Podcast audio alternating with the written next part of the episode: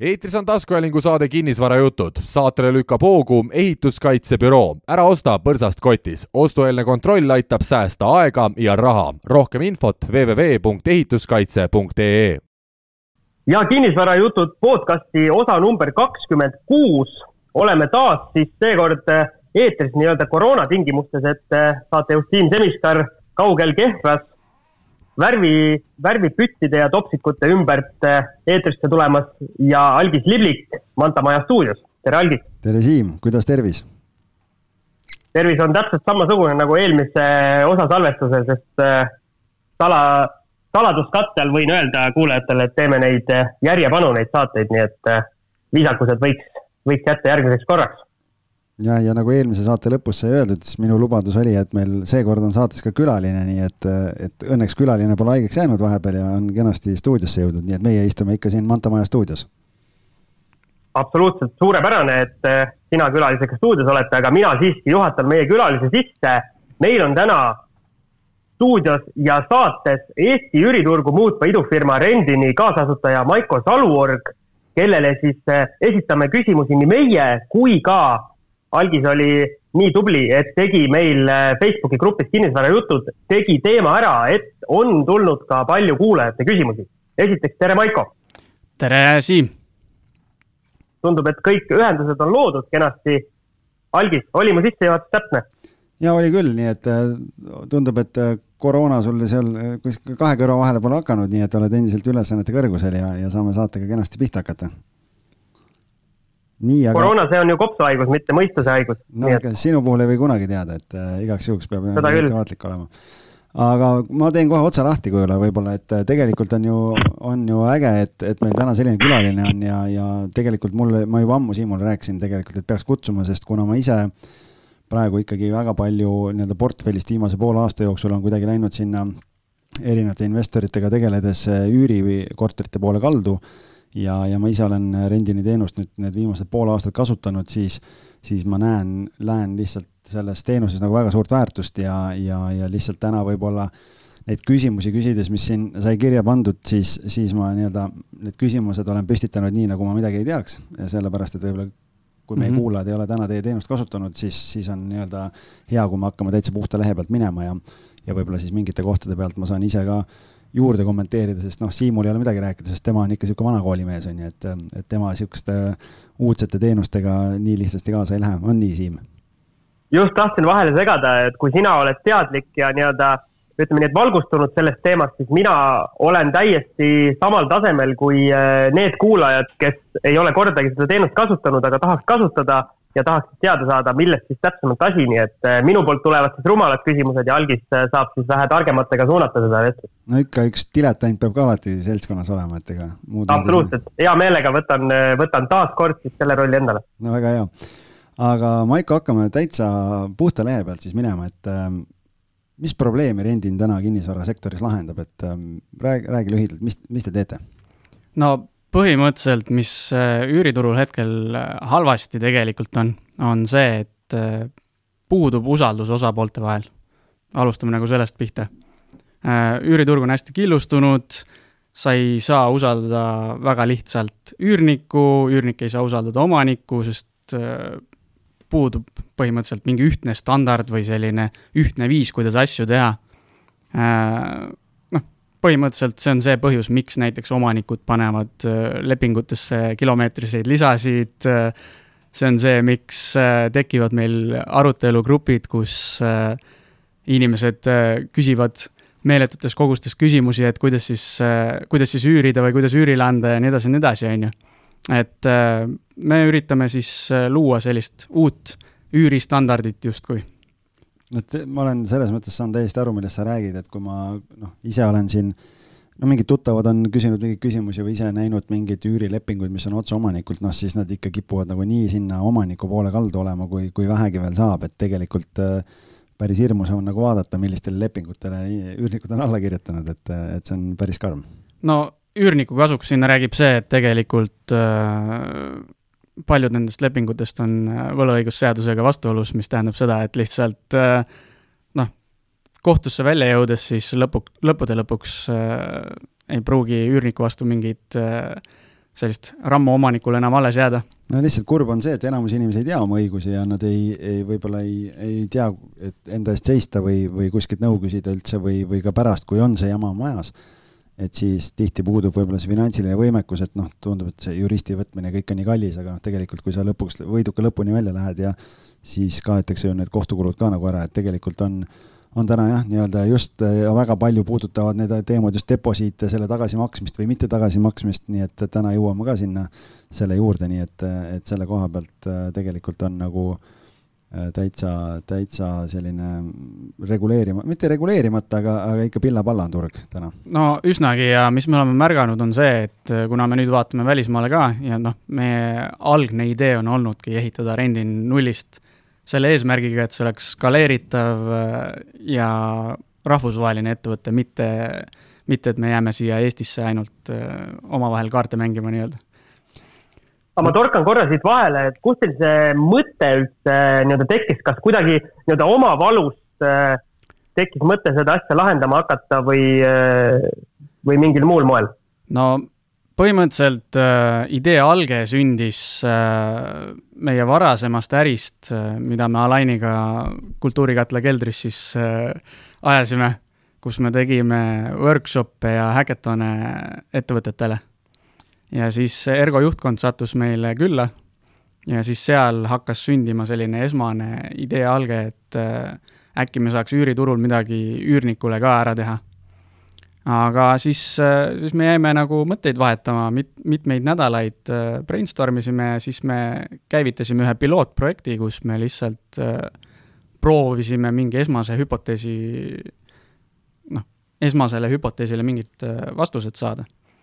Kas see, kas see tänane teenus on see, millega te alguses välja tulite või, või? Kaug-, kaugeltki mitte, sellepärast et äh, siis me rääkisime pigem nagu mingist äh, üürniku vastutuskindlustusest äh, ja sellega asi piirdus. ei olnud seal alguses äh, mingeid deposiidivabastusi, mitte midagi sellist, kuigi mõne nädalaga kasvas see idee selles suunas väga kiiresti. ja see, mis meil täna on, see on ikkagi nagu pika töö tulemus, selles mõttes, et me ei olnud kumbki kinnisvaraga seotud inimesed, noh, ükski meist asutajatest ei olnud tegelikult kinnisvaraga väga seotud tollel hetkel. ma olin küll käinud Peeter Pärtli koolitustel ja, ja lugenud äh, Rikas isa, vaene isa ja mingeid selliseid raamatuid, on ju. aga sellega nagu asi piirdus ja, äh, ja noh, mis meil oli, oli see, et üürnikuna meil oli omajagu kogemust, et äh, mul isiklikult on seitse üürikogemust olnud, kokku meie asutajaliikmetel on kakskümmend kaheksa erinevates riikides, erinevates linnades ja ma võin öelda, et äkki ühe või maksimum kahe käe sõrmedel saab üles lugeda neid kogemusi, mis on päriselt olnud sellised äh, nauditavad või okeid kogemused. kõik ülejäänud on olnud mingid sellised äh, olukorrad, kus hoiad kahe käega peast kinni, mõtled, mis nüüd juhtus päris hull tegelikult, kui mõtled kahekümne kaheksast nii-öelda kahe käe sõrmedel ainult, et äh, mingi paarkümmend protsenti, et, äh, et see on, see on muidugi jah, päris niisugune drastiline. no ja kui... no ma hakkasin praegu mõtlema, et kas minu üürnikud ka niimoodi mõtlevad, et kindlasti, kindlasti siin üks protsent on olnud häid kogemusi ja, minuga. nii et, äh, et ma ei ole su lepingut näinud, vaata, ma ei tea, et mis sa seal korraldad, on ju, et aga, aga võib-olla veel, et tuleme selle alguse juurde päris tagasi, et nii-öelda puhta lehe pealt, et et ähm, räägi ära siis, kuhu te täna välja jõudnud olete ja mis see tänane teenus on, et, et kui me räägime Rendinist, et ähm, kolme sõnaga või noh, nii palju kui vaja on, et, et puust ja punaseks, et mida see tähendab? no Rendin hetkel täna pakub üürilepingute sõlmimise teenust tegelikult, äh, mille hulka kuulub siis kaitse erinevate üürimisega seotud riskide vastu Äh, me oleme siis ehitanud sellise üürilepingu, mis sisaldab äh, tervet äh, rida kindlustuskaitseid ja ehitanud üles ka siis selle ümber sellise protsessi, probleemide lahendamise protsessi põhimõtteliselt, mis siis eelkõige ennetab, tekitab osapoolte vahel usaldust ja siis aitab ka tegelikult lahendada probleeme, kui ikkagi peaksid need tekkima okei okay,, et sisuliselt juriidiline nii-öelda back-up äh, kliendi jaoks on olemas, lisaks sellele, et tal on kindlustuspool ka tegelikult ju kaetud. jaa mm. -hmm. aga kui me nüüd räägime Siimust, on ju, et nee. äh, miks peaks Siim äh, omanikuna sõlmima oma üürilepingu siis läbi Rendini platvormi? no esimene küsimus Siimule on, miks ta ei peaks? Siim, miks sa ei peaks? ma ei tea veel, ma tahan kohe teada, miks ma ei peaks. Äh, põhimõtteliselt äh, rendini kaudu üürileandja saab äh, kuni saja kuu üüri suuruse kaitse deposiidi asemel. Üürnikule tähendab see seda, et üürniku stardikulud vähenevad. tavaolukorras üürnik peab viimase aja trendide kohaselt juba isegi nelja kuu üüri ette maksma esimesel kuul Äh, ehk siis kahe kuu deposiidi mõtled? kahe kuu deposiit on üsna popi, popiks saamas, sest korterid kallinevad, kvaliteet paraneb, inimesed renoveerivad, teevad noh, upgrade ivad, ütleme nii. Äh, noh, ühe või kahe kuu deposiit on üsna tavaline, maklertasu tavaliselt ja siis esimese kuu üür, on ju. noh, kui sul on viiesaja või kuuesaja eurone korter, siis äh, see läheb juba tuhandetesse, on ju, see esimese kuu stardikulu. ja siis äh, üürnik saab veel ka maksehäiret, või mitte maksehäirete kaitse, aga sellise ootamatu sissetulekute kaotuse kaitse, terviserikke või ootamatu koondamise vastu nii-öelda siis. Ja omanikule on lisaks siis veel juriidiline abi äh,, üürimaksete kaitse ja kõik see automatiseeritud protsess, et äh, taustakontroll käib meil tasuta ja automaatselt kõigile üürnikele, kandidaatidele samamoodi.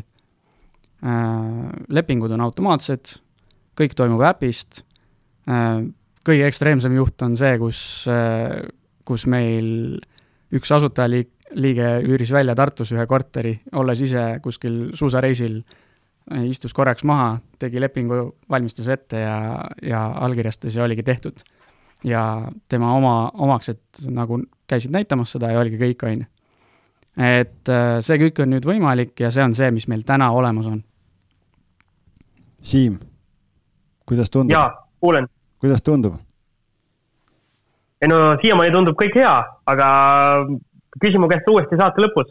okei okay., aga, aga noh, selles mõttes, et jah, tegelikult, et kui rääkida sellest nelja kuu deposiidist ja kõigest sellest poolest, siis, siis jah, no ütleme, et et seal on nagu see kahe kuu deposiit, vähemalt nende korterite puhul, mis mina olen välja üürinud, siis mina olen soovitanud omanikele, et kui on koduloomaga üürnik, et üks variant on kahe kuu deposiit võtta või teine variant on, et on siis lemmiklooma kindlustus, et äh, aga võib-olla tegelikult, et meelest ära ei läheks, võib-olla ma küsingi kohe siia selle, selle siis ära, et, et noh, see deposiit on hästi tundlik teema ja, ja kuna te nii-öelda lahendate selle mure tegelikult üürniku jaoks ära, et tema nii-öelda kolimise või stardikulud on väiksemad, siis et kui ta peab maksma maakleritasu ja üüri ja deposiiti maksma ei pea, et kuidas selle lemmikloomadega on, et, et kui nii-öelda lemmikloomade puhul mul mõni klient tahab näiteks kahe kuu deposiiti saada, aga ma ütlen, et teeme lepingu teie kaudu, et kas kindlustus, mis teil on, katab lemmikloomade poolt tekitatud kahju ka ära või peaks ikkagi üürnikule eraldi lemmikloomakindlustus ka tehtud olema?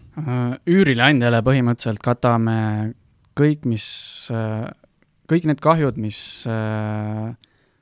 on nii-öelda üürniku poolt tekitatud.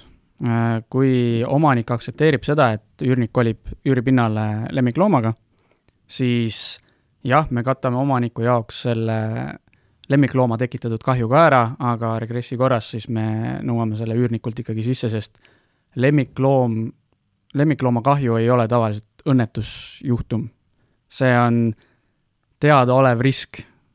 kui sa lased lemmiklooma oma üüripinnale siis äh, on väga suur tõenäosus, et seal midagi juhtub. ja et kui sul kaks aastat ikkagi koer elab sees korteris ja parketil on küünejäljed peal, siis see ei ole õnnetus, vaid see on, just, see on... üürniku tegevusest tekkinud äh, kahju. just.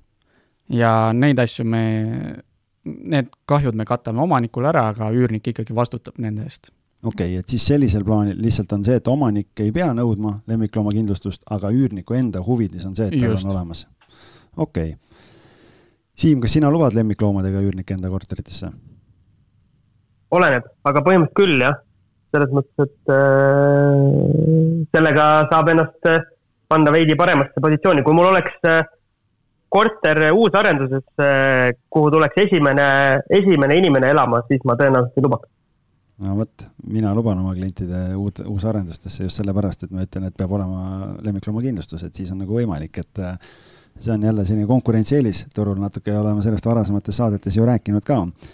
aga, aga kui nüüd mõni kuulaja soovib hakata peale seda saadet teie teenust kasutama, et äh, sa rääkisid, et noh, et äpi kaudu ja kõik on hästi mugav ja nii edasi, aga mis need reaalsed sammud on üldse siis, et peaks seda nagu tegema?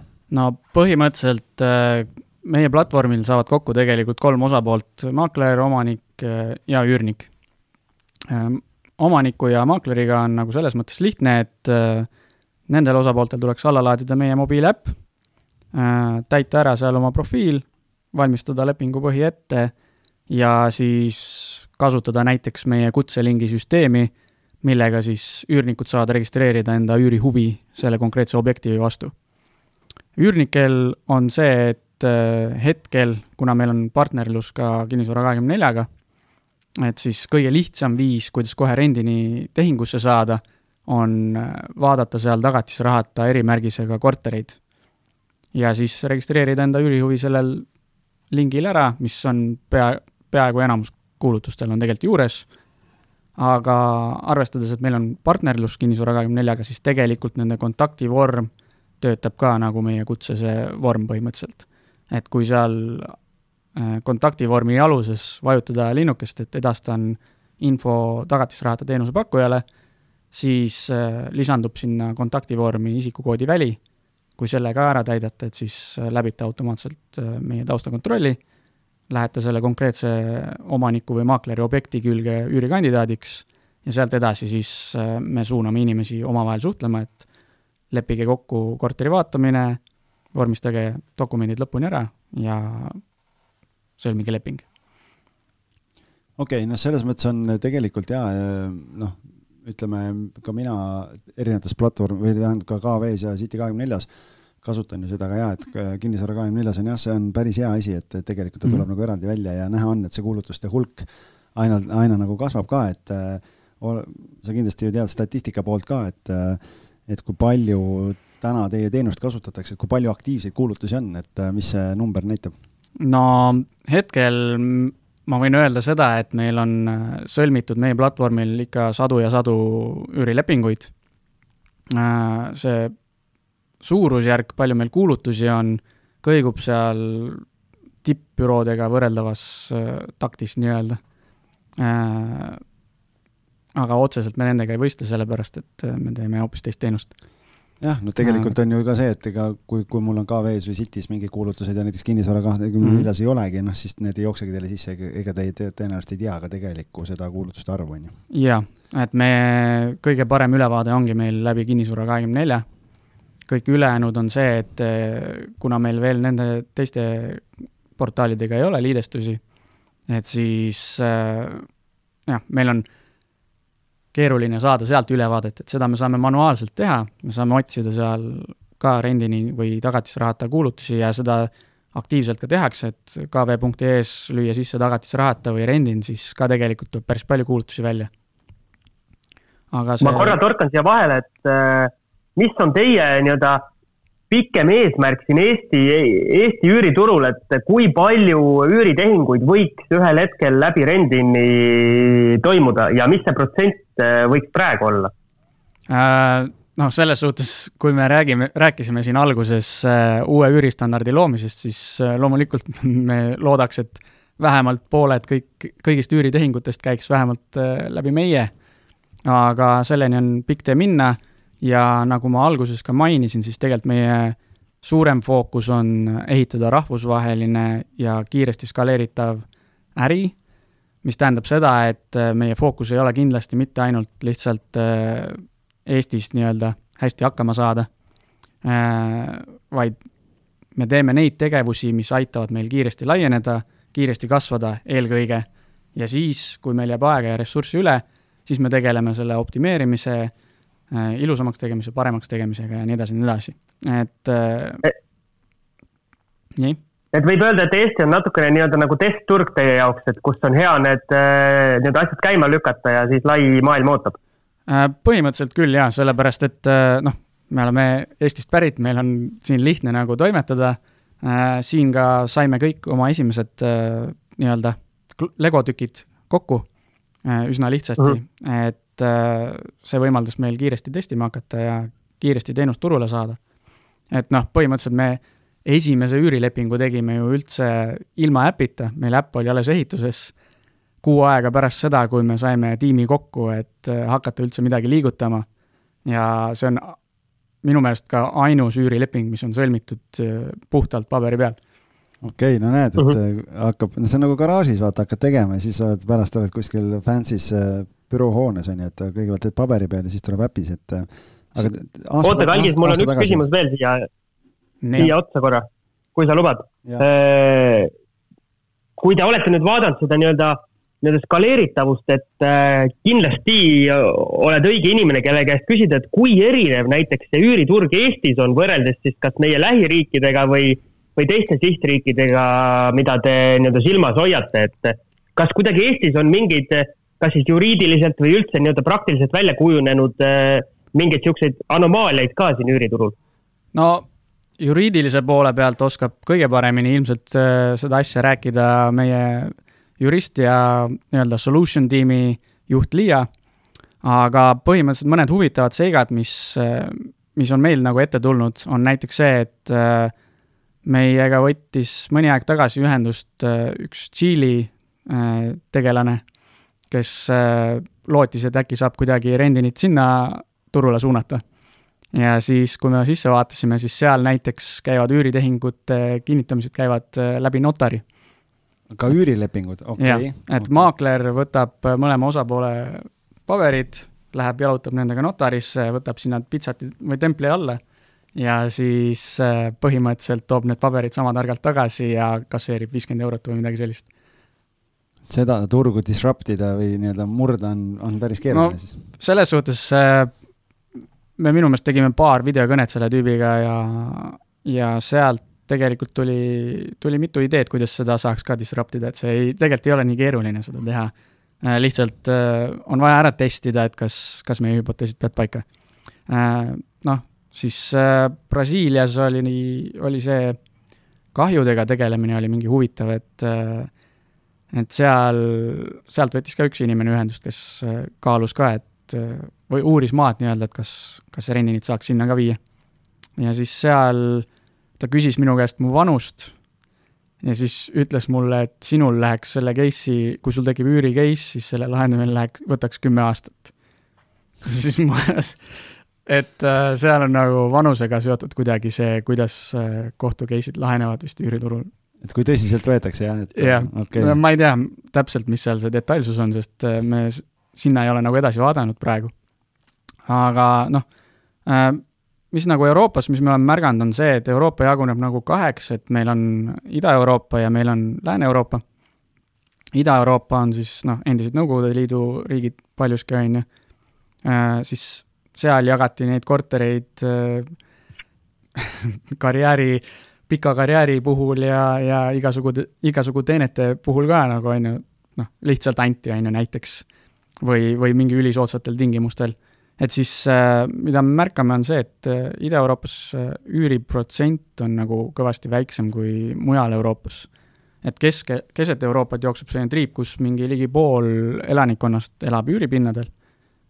Lääne pool on see, kõigub seal kuskil kolmekümne, kolmekümne viie protsendi ümber, aga idas on kuskil kümme, kaksteist, viisteist protsenti. et meil on veel arenguruumi, ütleme nii.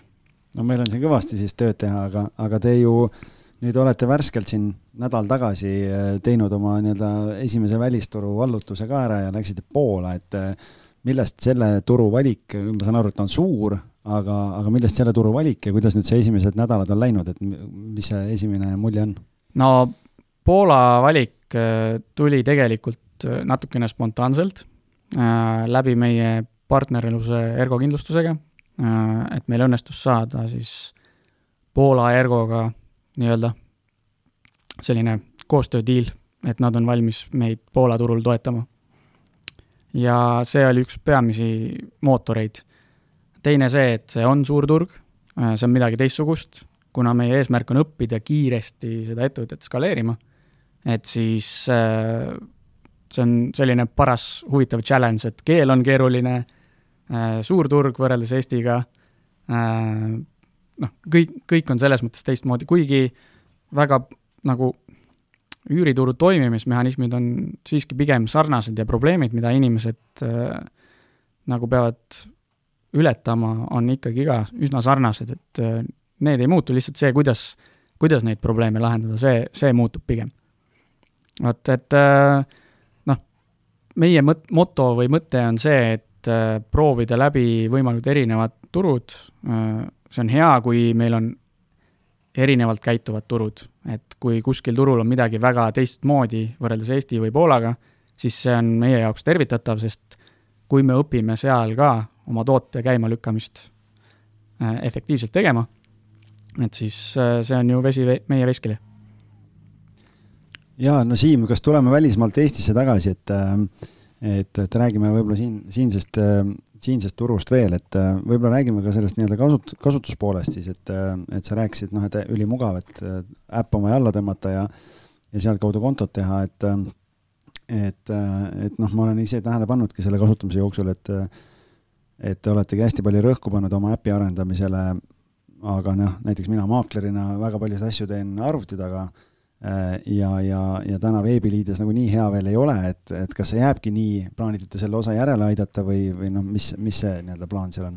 no põhimõtteliselt me oleme, me oleme kogu oma arendusega, me alguses panime paika selle, et äh, me tahaks hoida selle äpis mm,, sest äh, elu muutub üha liikuvamaks äh,, äpp annab meile terve hunniku funktsionaalsust, mida sa teisiti ei saa äh,, noh, näiteks meie üleandmislahendus toetub väga tugevalt äpi peale, et sa saad teha korteris äh, seisukorrast pildid, panna kommentaarid juurde, veenäidud, kõik asjad saad äh, teha seal kohe ära koha peal, on ju.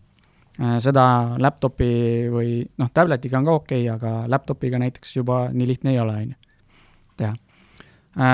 Küll aga veebiäpp on meil tegelikult selline side product, mis on tekkinud tänu meie veebiarenduse tooling'u valikule nii-öelda, et me kasutame Flutterit äh, oma mobiiliäpi arenduseks. Ja siis äh, selle by-product nii-öelda ongi see veebiäpi lahendus ka. Ja ta lihtsalt äh, sammub ühe sammu maas ja me ei ole sinna pannud praegu seda disainiressurssi nii-öelda, et sest noh, veebiäpis oleks vaja natuke seda paigutust ja kõike teistmoodi ehitada ja nupp, nuppe ja funktsionaalsusi tuleks seal nagu natukene nagu ümber teha äh,. aga meil ei ole olnud lihtsalt ressurssi praegu, et seda teha. meil on olnud fookus see, et saada Eestis kiiresti jalad alla äh,, õppida probleeme lahendama äh,, õppida neid ennetama ja ehitada valmis nagu toode sellisel kujul, et in-, valdav osa inimesi saab enam-vähem hakkama sellega ja siis äh, korjata kokku need õppetükid, mis me sellest äh, esialgsest protsessist oleme saanud ja selle põhjal siis äh, disainida nagu järgmine kiht või järgmine versioon sellest tootest lähitulevikus. vot, et kindlasti me ei unusta ära seda veebiäppi, sest seda küsitakse, omajagu inimesi tegelikult tunneb ennast mugavamalt arvutis, aga ma arvan, et pikas plaanis ikkagi meie fookus jääb äppi siin on, ma arvan, küsimus pigem ka selles tootearenduse meeskonnale, võib-olla kas sa tead numbritest, et kui palju teil täna näiteks on äh, maaklerite kaudu tulevaid lepinguid ja kui palju on äh, eraisiku kaudu äh,? Suur, laias laastus võiks öelda, et pool ja pool mm,. et see käib kuust kuusse natukene kõigub, aga väga suures pildis öeldes on jah, kuskil fifty-fifty. noh, ma sellepärast lihtsalt küsin, et, et noh, lihtsalt ise, et, et mul on ju kui ma olen nii-öelda kontorist väljas, siis ma olen kuskil objektil tavaliselt äh, klientidega kohtumas, korterit näitamas ja, ja siis nii-öelda selliseid protseduurilisi asju tavaliselt teed arvuti taga, aga siis hakata eraldi arvuti tagant switch ima, et võtan telefoni ja teen äpis mingeid asju, noh siis see tundub nagu selline lisategevus, et mille ma tegelikult võiks nagu arvuti taga ära teha ja täna teengi, lihtsalt jah, see funktsionaalsuse küsimus oligi puhtalt isikliku äh, kasutuskogemuse taustal, et täna mm -hmm. seal on mingid asjad, mis ei toimi. algi, meie oleme dinosaurused, me võiks oma läpakad ammu põlema panna ja nii-öelda mobiilile üle minna.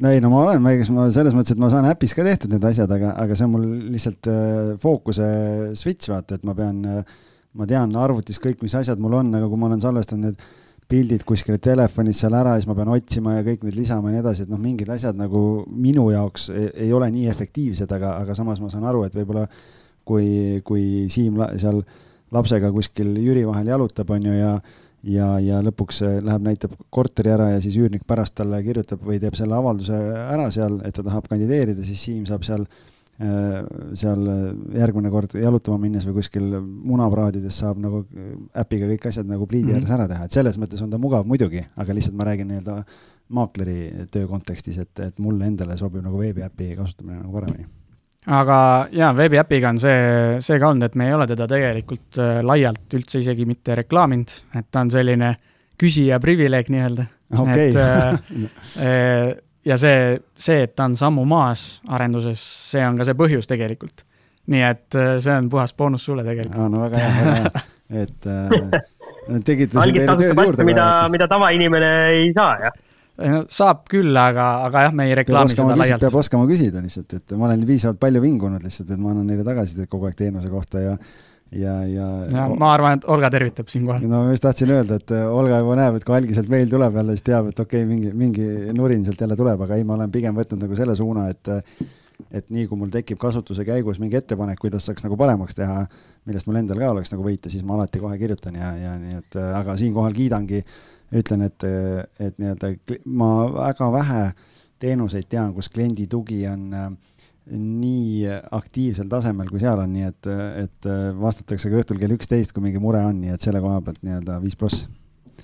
aga äh,, aga kas nüüd on, seda ei reklaamiks. paha lugu, et, et äh, nii-öelda tuhanded investorid saavad teada, et äh, tuleb küsida, siis saab ka nii-öelda selle läpaka variandile ligi. no just ja, ja ma ju siin reklaamisin veel, et kliendi tugi on kakskümmend neli seitse ka on ju, nii et noh, nagu ikka no pressure, et selles mõttes, et äh,. ei, ei, selles suhtes äh, kliendi toe kellaajad on seal äh, Facebookis nii-öelda olemas, et äh, lihtsalt selle kella üheteistkümnese vastamisega oli see, et mul oli järgmisel päeval korteri üleandmine ja, ja ma lihtsalt kirjutasin, mul oli üks tehniline probleem ja, ja tegelikult väga tore, et vastati kiirelt, et äh, lahendati järgmine päev see tehniline mure ära, nii et. no selles suhtes, et see on äh, jällegi, kuna me oleme üsna noor ettevõte, siis äh, hetkel meil on võimalik seda teha, on ju, me ei eelista seda teha, aga kui on väga häda inimesel, eks me siis loomulikult aitame.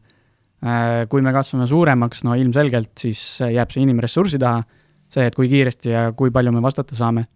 aga selleks me olemegi nüüd värvanud nagu customer success inimese ka, kes äh, hakkab siis äh, reaalselt nende küsimuste, nendele vastamise ja kõige sellega nagu tegelema ja seda süsteemi optimeerima, et et meil, et ei oleks põhjust nii palju helistada meile ja kui helistatakse või kirjutatakse, et siis saadakse kiiremini oma vastused ja lahendused. Väga hea Siim, aga meil on. aga, aga Algis, Algis, mis sa tahtsid, kas sa tahtsid pausi teha või? ma just tahtsin öelda, et meil on kolmkümmend kaks minutit on läinud, et äkki teeme väikese pausi ja oleme hetke pärast tagasi. suurepärane, sul seal heeblite, heeblite taga läheb päris hästi, oleme siis korra tasa ja kuulame Vahekülgi.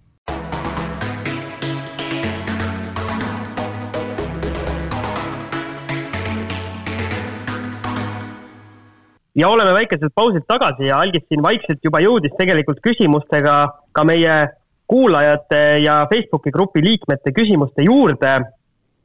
ja lähme, ma arvan, sealt edasi. minu, minu silmad leiavad siit ühe sellise küsimuse, mida pooleldi me vist natukene puudutasime, aga millal on lootust ja kas on lootust ka, et teie liides jõuab ka kv.ee ja City24 portaalidesse? Noh, selles suhtes äh, meil on olnud äh, vestlusi nendega, mm, nende esindajatega. nüüd see sõltub tegelikult nagu nendepoolsest ini-, initsiatiivist ka, et kui väga nad tahavad või ei soovi meid, et kinnisvara kakskümmend neli lihtsalt oli omalt poolt hästi aktiivne ja tuli meile noh, nad võtsid ise meiega ühendust tegelikult, et kas, kas Rendin tahaks koostööd teha ja see on nagu tervitatav ja nad olid valmis ka nagu mingeid pisiarendusi sisse viima.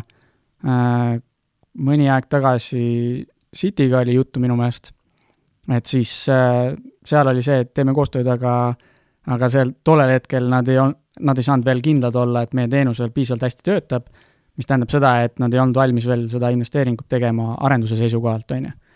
et äh, loomulikult, kui tuleb mingi pakkumine või soov, et teeme koostööd, siis kindlasti vaatame sisse, aga nagu ma enne ka ütlesin, siis meie fookus ja silmad on tegelikult juba välismaa suunal, et äh, ja noh, me näeme, et tegelikult inimesed äh, nagunii kuulutavad nendes portaalides ja kui noh, kui see nõuab nagu mega suurt arendust või suurt vaeva nende portaalide poolt, noh siis, siis pole võib-olla mõtet seda praegu väga vägisi nagu läbi suruda. et, et aga jah, et meie fookus ja silmad on välismaal mm. -hmm. nii, siis äh,. aga Algis. jah ma küsin selle küsimuse ära, aga kõigepealt ma siis küsin sinult ja siis alles Maikolt, et kuidas kiirelt ühe-kahe lausega üürnikule selgitada, mis asi see rendin on ja miks seda eelistada tasub, et kõigepealt Algis, kuidas sina maaklerina üldse üürnikule lähened, sa kindlasti oled seda kümneid-kümneid kordi teinud, et sul on selline nii-öelda elevate, elevator pitch või kuidas seda nimetatakse, on äh, nii-öelda väikesel paberil kirjas ja vaata sealt maha, ma eeldan ja mul on peopesa sisse on alati pastakaga kirjutatud, vaata, et siis äh, mõnikord on higine peopesa, oled pükse külge pool maha kustutanud. siis läheb sassi kõik. Aga tegelikult jah, mul on, noh, ma saan isiklikust kogemusest rääkida, et tegelikult äh, viimasest kahekümnest korterist äh, kaheksateist on läinud rendini kaudu ja ainult kaks tükki, mis, mis ei läinud, olid, üks oli üks diplomaat lihtsalt, kellel oli nii-öelda noh te, teine protokoll, mille järgi oli vaja teha. ja siis üks oli jõukas ettevõtja, kes maksis kogu aasta üüri lihtsalt ette ja ütles, et temal ei ole vaja mingeid täiendavaid, mingeid igakuiseid makseid ja asju ja maksis, maksis nagu deposiidid, kõik asjad ära.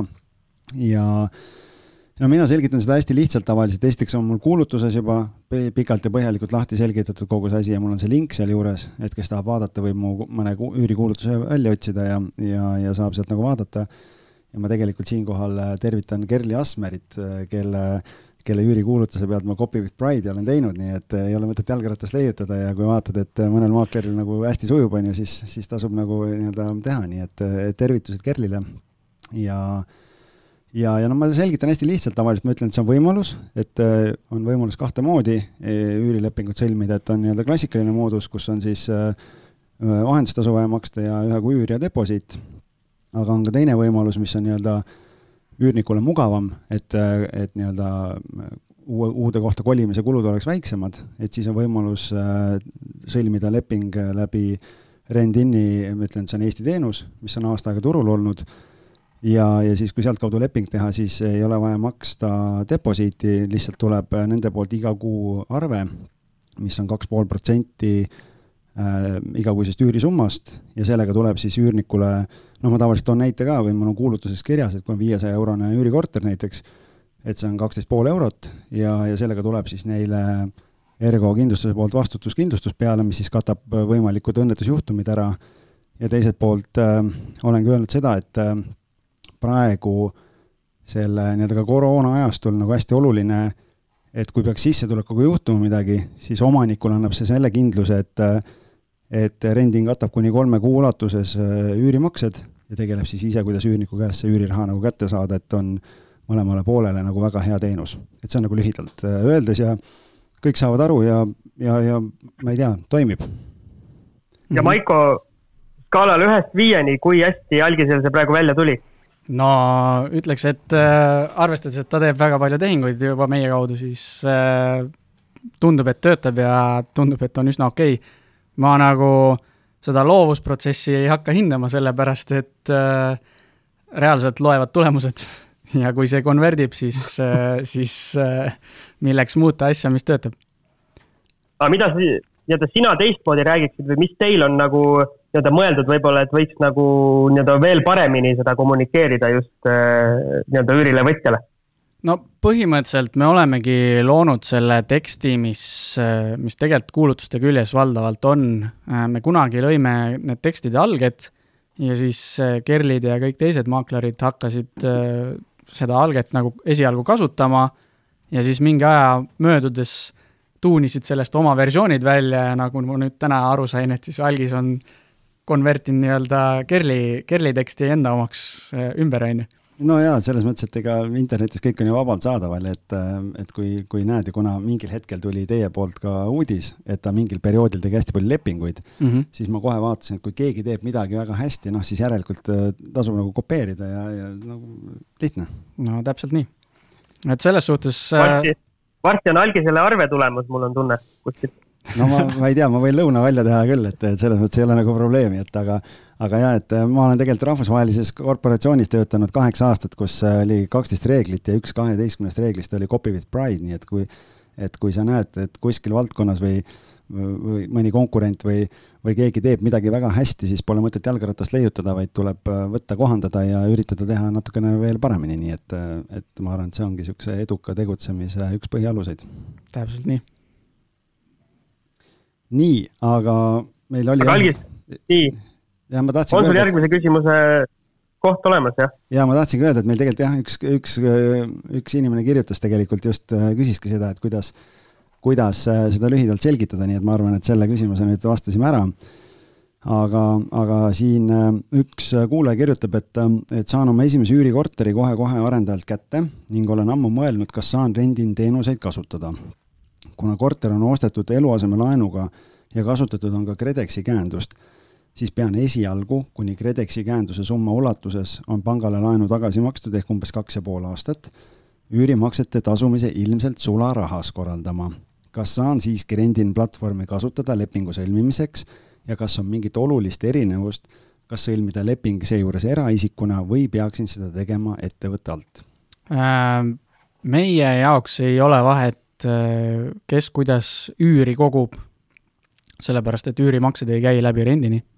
Äh, meie arveldame üürnikuga ise oma teenustasu osas ja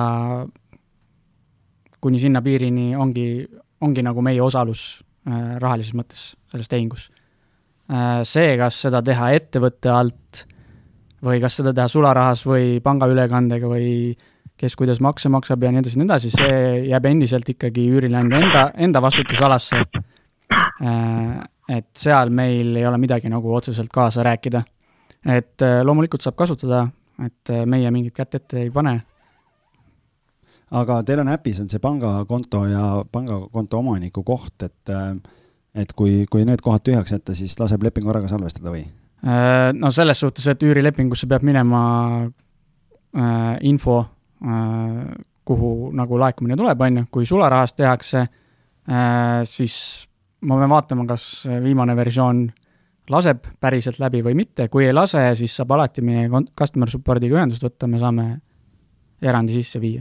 Valda, valdav osa teeb äh, ikkagi ülekandega. jah, sest tegelikult mi-, ma, miks ma küsin, ongi see, et mingil hetkel äh,, see oli mõned kuud tagasi, ma tahtsin nii teha mm -hmm. ja siis ei saanud, siis tuligi teie customer support'i poolt tuli kiri, et äh, sularahas ei ole võimalik äh, ähm, ja, ja, ja siis jäi nii-öelda see tehing jäigi tegemata teie kaudu, et see läks siis nii-öelda klassikalist teed pidi aga noh, tuletan siin meelde ka Priidu Pärna saadet, äh, notar käis meil külas ja ütles, et temale teadaolevalt on sularaha täna veel samamoodi käibevahend nagu ülekanne, nii et ma arvan jah, et, tegelikult võiks selle võimaluse nagu jätta, et kui keegi tahab, äh, tahab niipidi teha, et siis see võimalus on nagu olemas, et et mina maaklerina äh, ei saa otsustada selle üle, kas, kas omanik tahab nii-öelda ülekandega või mitte, et tal võib see võimalus olla ja see, kuidas tema siis oma maksudega tegeleb, see on nagu tema enda mm -hmm. ülesanne, lihtsalt sest täna on lihtsalt see, et kui, kui üürileandja tahab sularahas saada, siis lihtsalt minu poolt maaklerina on oluline, et mul on lepingu lisa,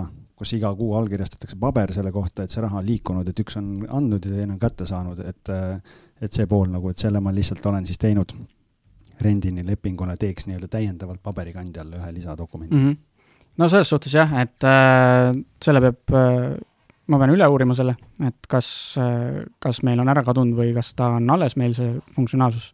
alguses ma mäletan, et me saime teha nii, aga jah.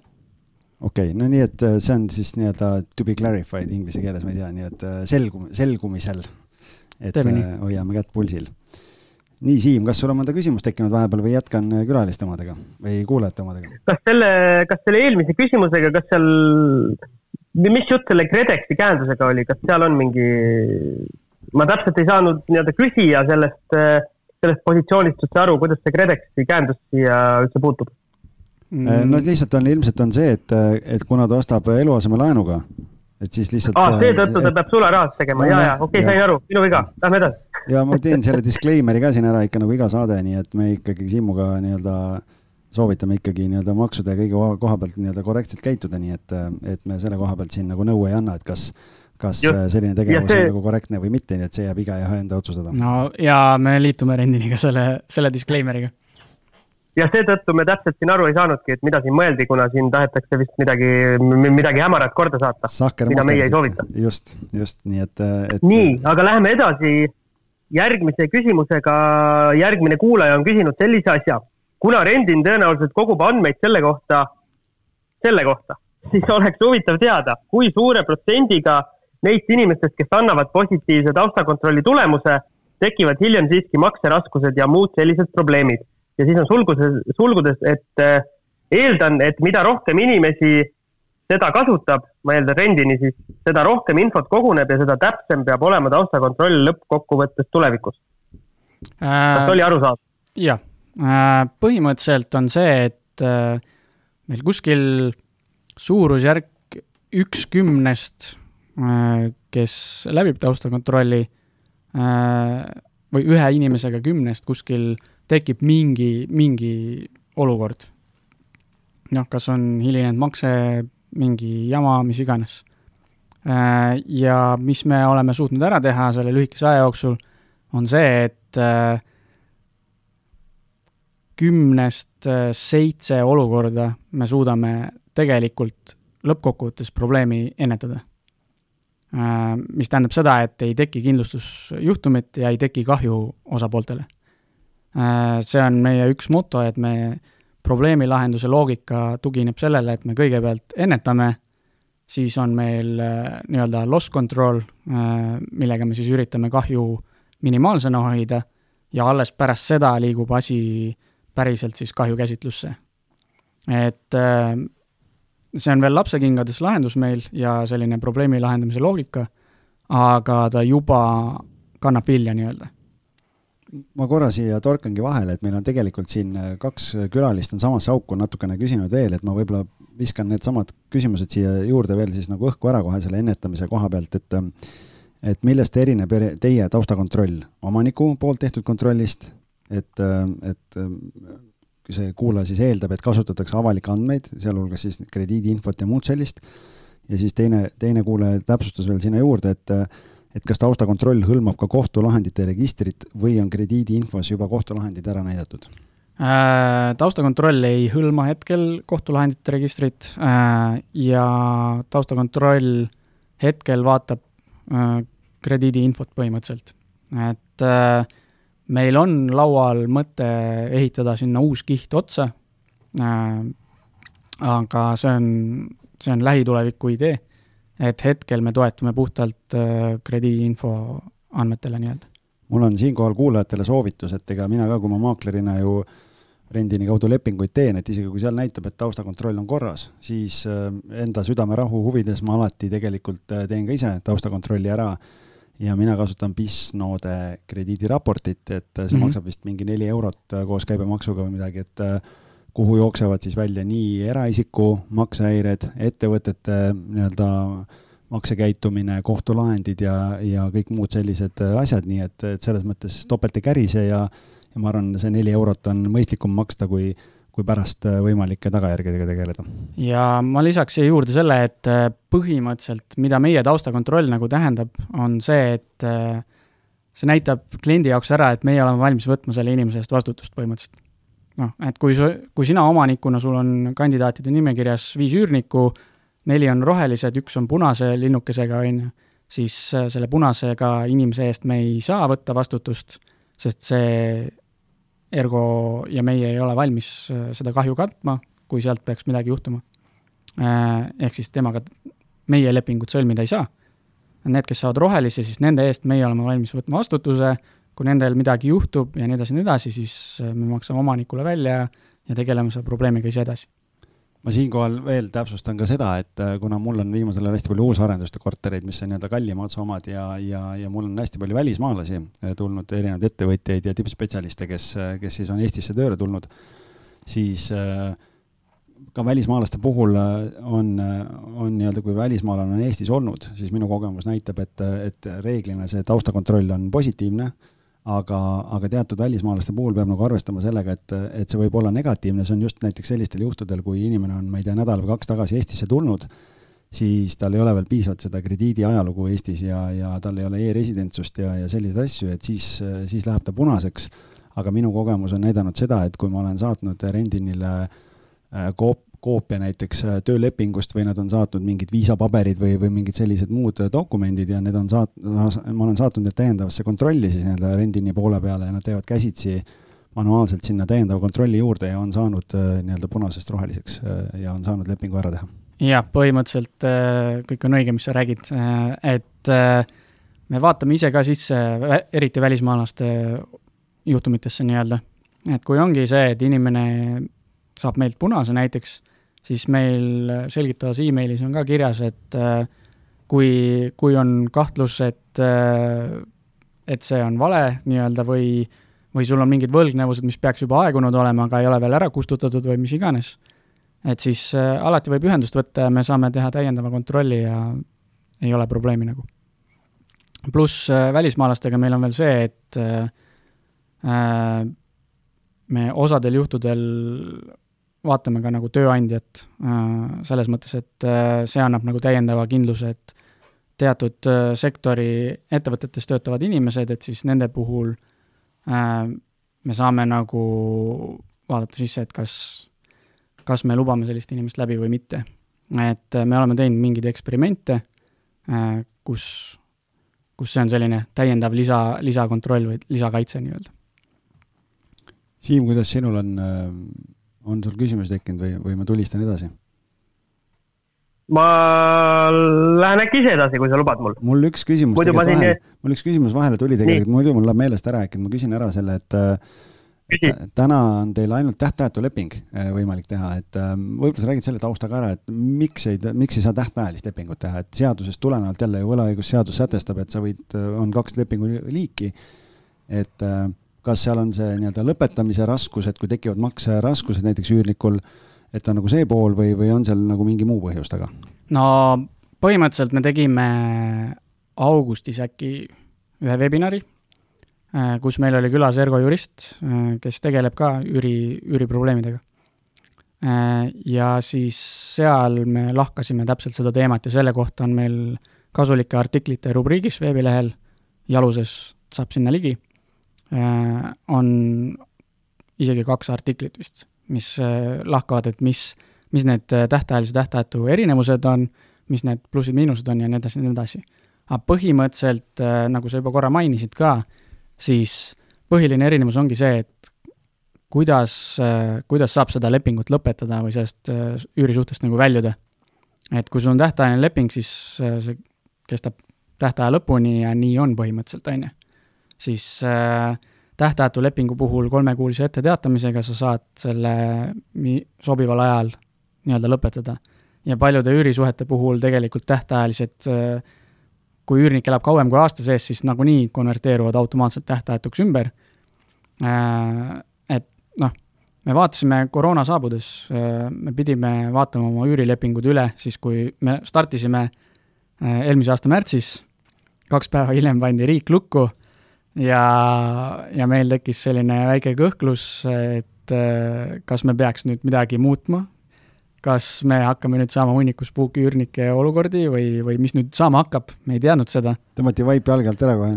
põhimõtteliselt küll ja siis me vaatasime oma lepingud üle ja, ja tõenäoliselt nagu optimeerisime teatud punkte ja vaatasime, vaatasime kõik üle ja jõudsime nagu nii-öelda arusaamisele või, või lahendusele, et äh, tähtajatu leping on parem variant, sest sealt on võimalik lihtsamalt äh, väljuda nii omanikul kui üürnikul ja tegelikult lõppkokkuvõttes see tähendab rohkem turvalisust. Mi-, mis me oleme nagu õppinud, on see, et äh, paljud omanikud võtavad äh, tähtaja, tähtajalise üürilepingu sellepärast, et see on justkui nagu mingi näiline garantii, et et sa saad nüüd aasta aega, saad üüri, on ju. aga kui üürnikul poole aasta pealt äh, sissetulek kaob, on ju, siis äh, sa ei saa seda üüri ju, kui inimesel ei ole maksta, siis sa võid minna kohtusse isegi kohtus võita, aga kui inimeselt ei ole midagi võtta, siis sa tegelikkuses ju ei saa seda oma raha.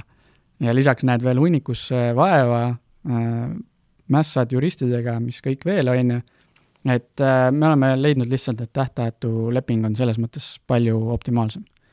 Ma olen nõus siinpoole, ma alati ütlen ka, ma arvan, üheksakümmend protsenti lepingutest, mis mina teen, on tähtajatud just sellepärast, et see tundub nii palju lihtsam, loogilisem ja ja inimlikum mõlemale poolele, kuigi ma alati rõhutan, et lepingu mõlemas otsas on inimene ja alati saab kokku leppida aga kui üks pool ei ole nõus kokku leppima, noh siis ongi jama majas. no see tähtajatu kaitsebki nagu selles olukorras, et kui ei olda üksmeelel, kui ollakse üksmeelel, siis sa võid ükskõik millise lepingu ju ära lõpetada põhimõtteliselt.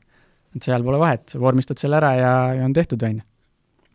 aga eriti tänases sellises nii-öelda keerulises äh, olukorras, mis meie ümber on ja, ja siis äh, ma arvan, et äh, nii-öelda minu soe soovitus on küll, et tehke tähtajatuid lepinguid, et, et on lihtsam lõpetada, nii nagu Maiko ütles, et et kunagi ei tea, mis elu tuua võib, et siis, siis ükskõik mis põhjusel kumbki osapool saab kolm kuud ette teatada ja on, on kõik. No täpselt ja, ja lõpetamiste puhul me alati nagu aitame ka, et selles suhtes kui on mingeid küsimusi või, või mis iganes, et siis Siim, kas sul on tähtajatud või tähtajalised üürilepingud? tead, seda juttu kuulates äh, ma mõtlesin äh, oma, oma asjade üle järele ja kui ma alustasin enne, enne üldse sinuga tutvumist äh, esimesed, esimesed lepingud, ma mäletan, ma tegin tähtajalised ja mulle tundus täpselt samamoodi see kuidagi turvalisem. aga, aga hiljem ma olen nüüd läinud ka täielikult tähtajatu lepingu peale üle ja suuresti tänu sulle no vot, midagi ikka õppinud ka, kuule, väga hea noh. no päris äh, õppimisvõimetu ei ole, et siiski midagi on külge jäänud.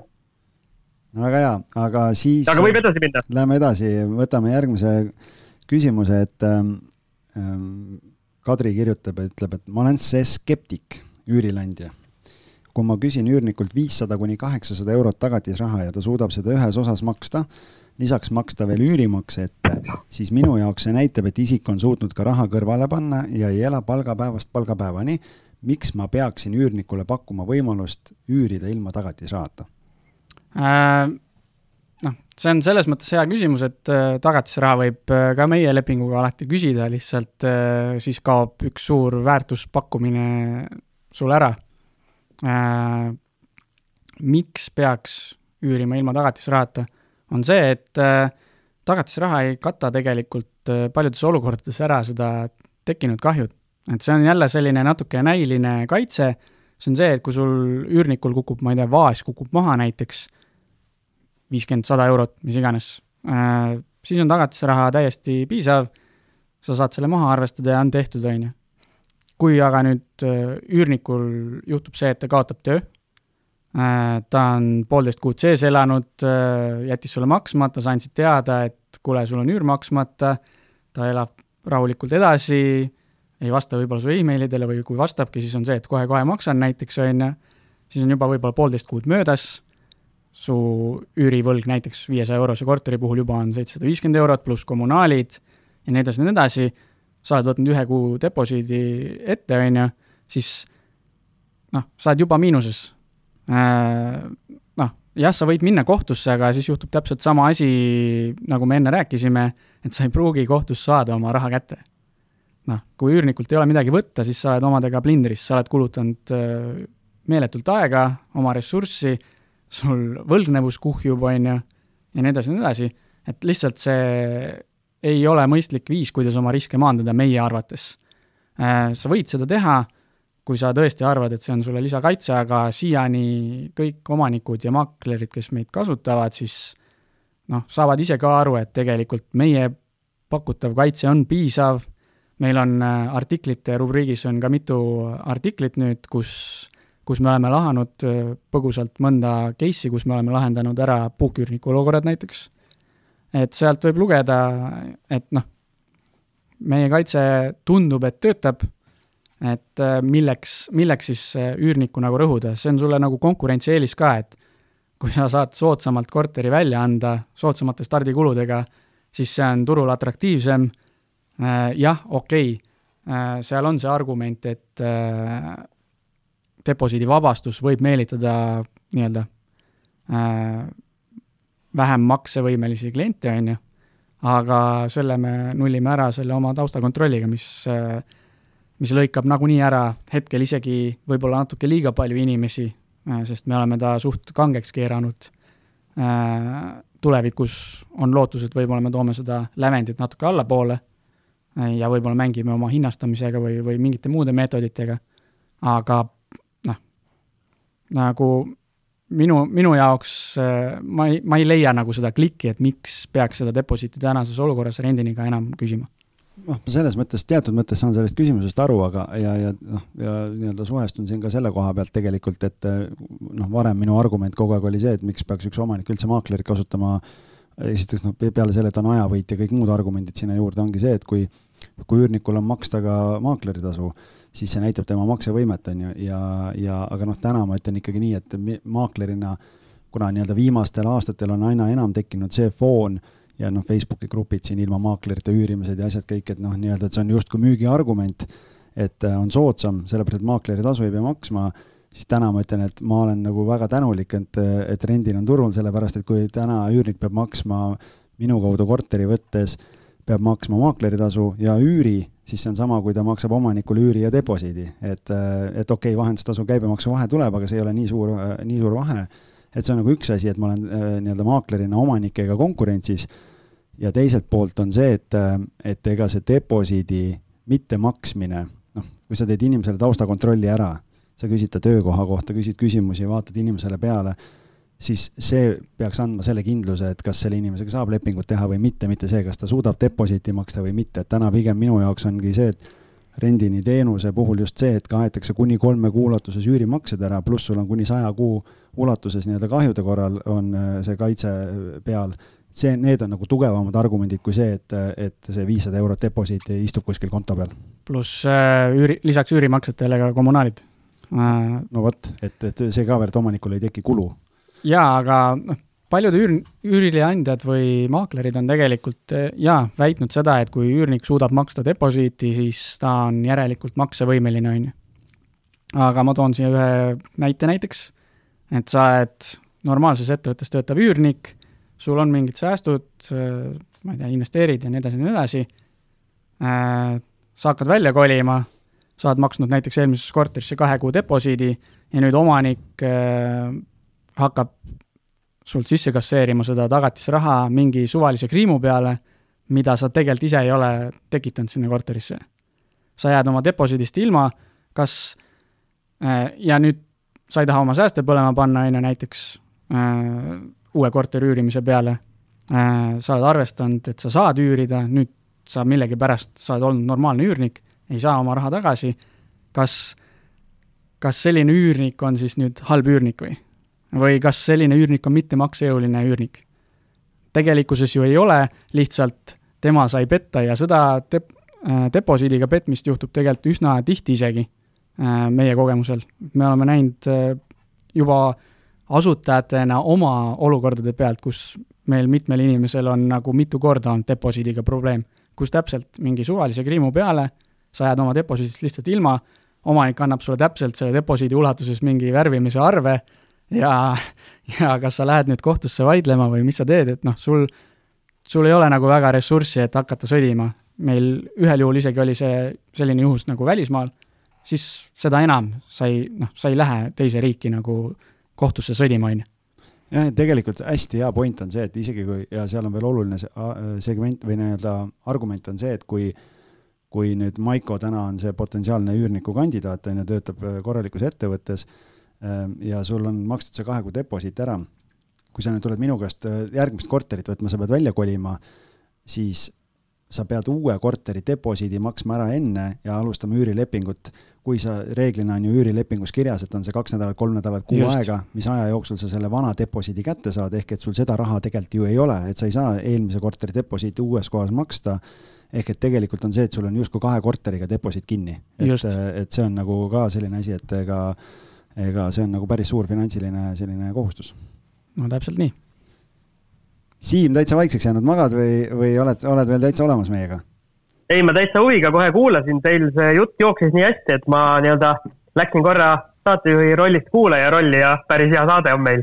ahah, no väga hea, väga hea, et äh, aga meil on üks küsimus veel. kas sul on endal, Siim, tekkinud küsimusi või põrutame sellega ära ja, ja, ja, ja siis saame hakata otsi kokku tõmbama? Võtame selle Paveli küsimuse, sa mõtled seda, eks? just, just, just, et siin on. Äh, aga äkki ma loen selle ette? loe ette, jah. nii, ja Pavel siis äh, soovib äh, natukene kaevuda Rendini ärimudelisse, et ta küsib siis otse, et kuidas on üles ehitatud teie ärimudel?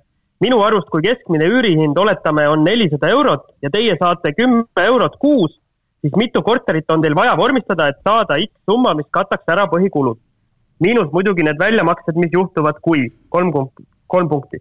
kui palju kliente teil vaja on, et saavutada tasuvuspunkt, mis juhtub, kui äh, circa viiskümmend protsenti klientidest ei maksa ja peate tegelema probleemsete üürnikega. kas teil selleks on kapital olemas? miks teie teenus praegu nii odav on? hästi palju küsimusi, aga äkki hakkame otsast minema siis Maikoga? no põhimõtteliselt äh, nagu ma enne mainisin ka, siis äh, meie eesmärk äh, või noh, põhimõtteliselt me ehitame skaleeritavat ärimudelit, mis tähendab seda, et äh, noh, me võiks hakata kohe kasumit jahtima nii-öelda. aga ma ei ole kindel, et see äri, mida me täna teeme, on kasumi teenimiseks nagu kõige ideaalsem. see äri, mida me täna teeme, on ehitatud sellele hüpoteesile, et kui me hoiame stardikulud madalad, kui me hoiame teenustasud madalad, siis me saame kiiresti kasvada, kiiresti laieneda ja siis, kui meil on suurem turg käes, siis me saame hakata optimeerima nagu kasumi teenimisele.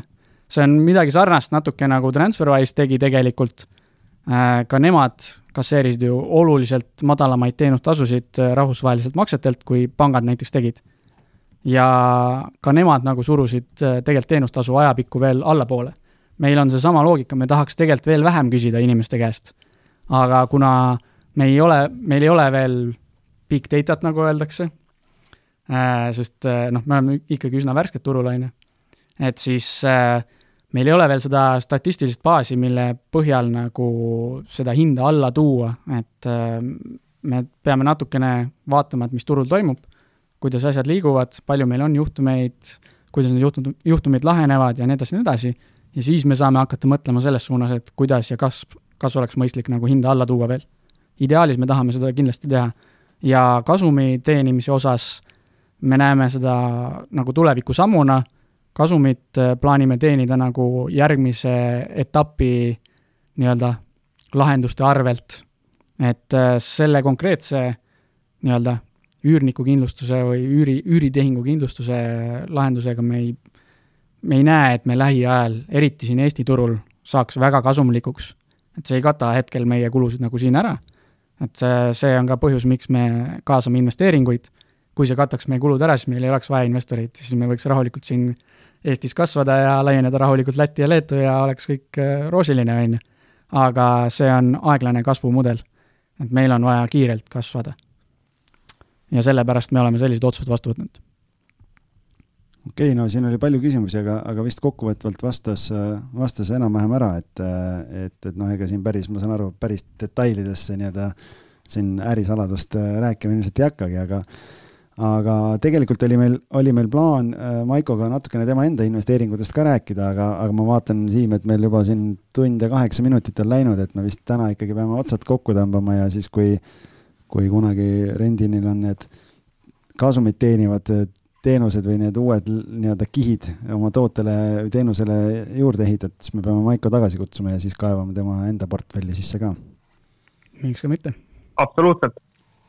aga siis äh, ma siinkohal tõmbakski joone alla ja, ja tänaks, Maiko, sind, et sa tulid, nii et ma, ma usun, et kui, kui juba Siimul äh, huvitav oli, siis ma loodan, et meil kuulajatel ka, nii et, et, et minu enda meelest nagu äh, oli päris põnevaid asju, millest rääkida ja kindlasti küsimusi tekib nagu veel, nii et, et kui kuulajatel on mingeid täiendavaid küsimusi, mis võib-olla täna vastuseid ei saanud, siis Maiko on meie kinnisvarajuttude Facebooki grupis ka ja väga aktiivselt seal erinevatel üürnikke puudutavatel teemadel ka nii-öelda kaasa rääkinud, nii et, et siis võib seal julgelt äh, tulistada ja küsida, nii et, et saab kindlasti seal seda diskussiooni veel äh, jätkata. jah, ja mina tänaks omalt poolt sind, et sa kutsusid äh, ja selle eest ka veel, et sa kasutad meid ja, ja nõnda edukalt. et no, sa oled seal maaklerite topis nagu üsna tipu lähedal, et äh, no, seda on meeldiv näha. siis peab natukene veel käiku juurde panema, et äh, tiitlite nimel asju ei aja, aga, aga hea on alati teada muidugi, on ju. Siim, kuidas sinul on? see on ikka veider, et algis on mingis topis kuskil. minu jaoks on see üllatav. et ma, et sul on veider, et ma topis olen või? jaa. ei noh, sõna topis, et kuidas seda. aga tegelikult äh, aga tegelikult Maikole ütlen mina seda, et kui te minusuguse dinosauruse lõpuks, lõpuks kätte saate, siis põhimõtteliselt on kogu maailm valla, et äh, ma olen see kõige viimane, kes igasugu uued lahendused kasutusele võtab, nii et äh, tasub silm peal hoida. ma arvan, et siis me peame küll mingi tordi võtma vist, et kui, kui Siim oma esimese rendini lepingu ära teeb, siis äh, lõikame torti ja, ja hõikame Facebooki grupis või saates välja ka, nii et ma arvan, see vajab eraldi tähistamist. Nende tordiluba, nende tordilubadustega peab ettevaatlik olema, sellepärast et meie meie customer support'i tiim võtab neid väga tõsiselt, kui keegi lubab torti, siis olgu see tort olemas ka. Aga Siim, kirjutad alla sinna. Ma, ma, see oli sinu, sinu suunal lubadus, vaata, sina pead nüüd alla kirjutama või tagasi lükkama, on ju, et äh, mina, mina kasutan juba, minul on kõik hästi, nii et. Oota, kes kellele torti peab tooma, ma ei saanud aru ei no, et kui sa esimese lepingu ära teed, ma arvan, et siis on, siis on tähistamist väärt, on ju, aga noh, siis on see, et ma arvan, et, et. aa, et siis te toote mulle tordi või? ja siis sina teed teistele, et noh, siis me oleme suutnud see ümber rääkida. aa, okei okay., no mõtleme seda asja veel. no nüüd ta ei julge rääkida. aga ütleme nii, et ütleme nii, et kes siis tordist ära oskab äh, või suudab, äh, suudab öelda. kuigi, kuigi see, see koroona on niisugune haigus, et ega mina maitset sind juba mõnda aega ei tunne, nii et äh, mul pole vahet, mis tordid te toote, nii et mul on kõik sama. ma tahtsin just vastupidi öelda, et kui sina tordi tood, et noh, siis peab ettevaatlik olema, et ei tea, kes julgeb seda torti mait-, maitsta ka, et, et ega ei tea ju, mis sa tood, see, kui sa ise maitseid ei tunne, siis on nagu ohtlik.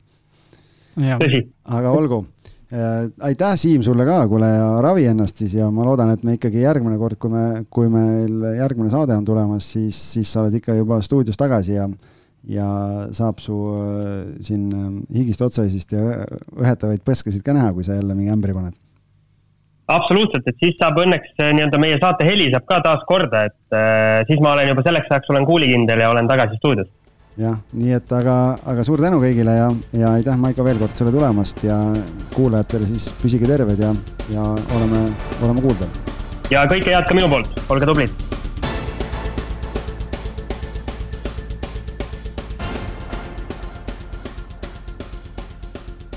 Kinnisvara ostueelne kontroll aitab säästa aega ja raha. vaata lisa www.ehituskaitse.ee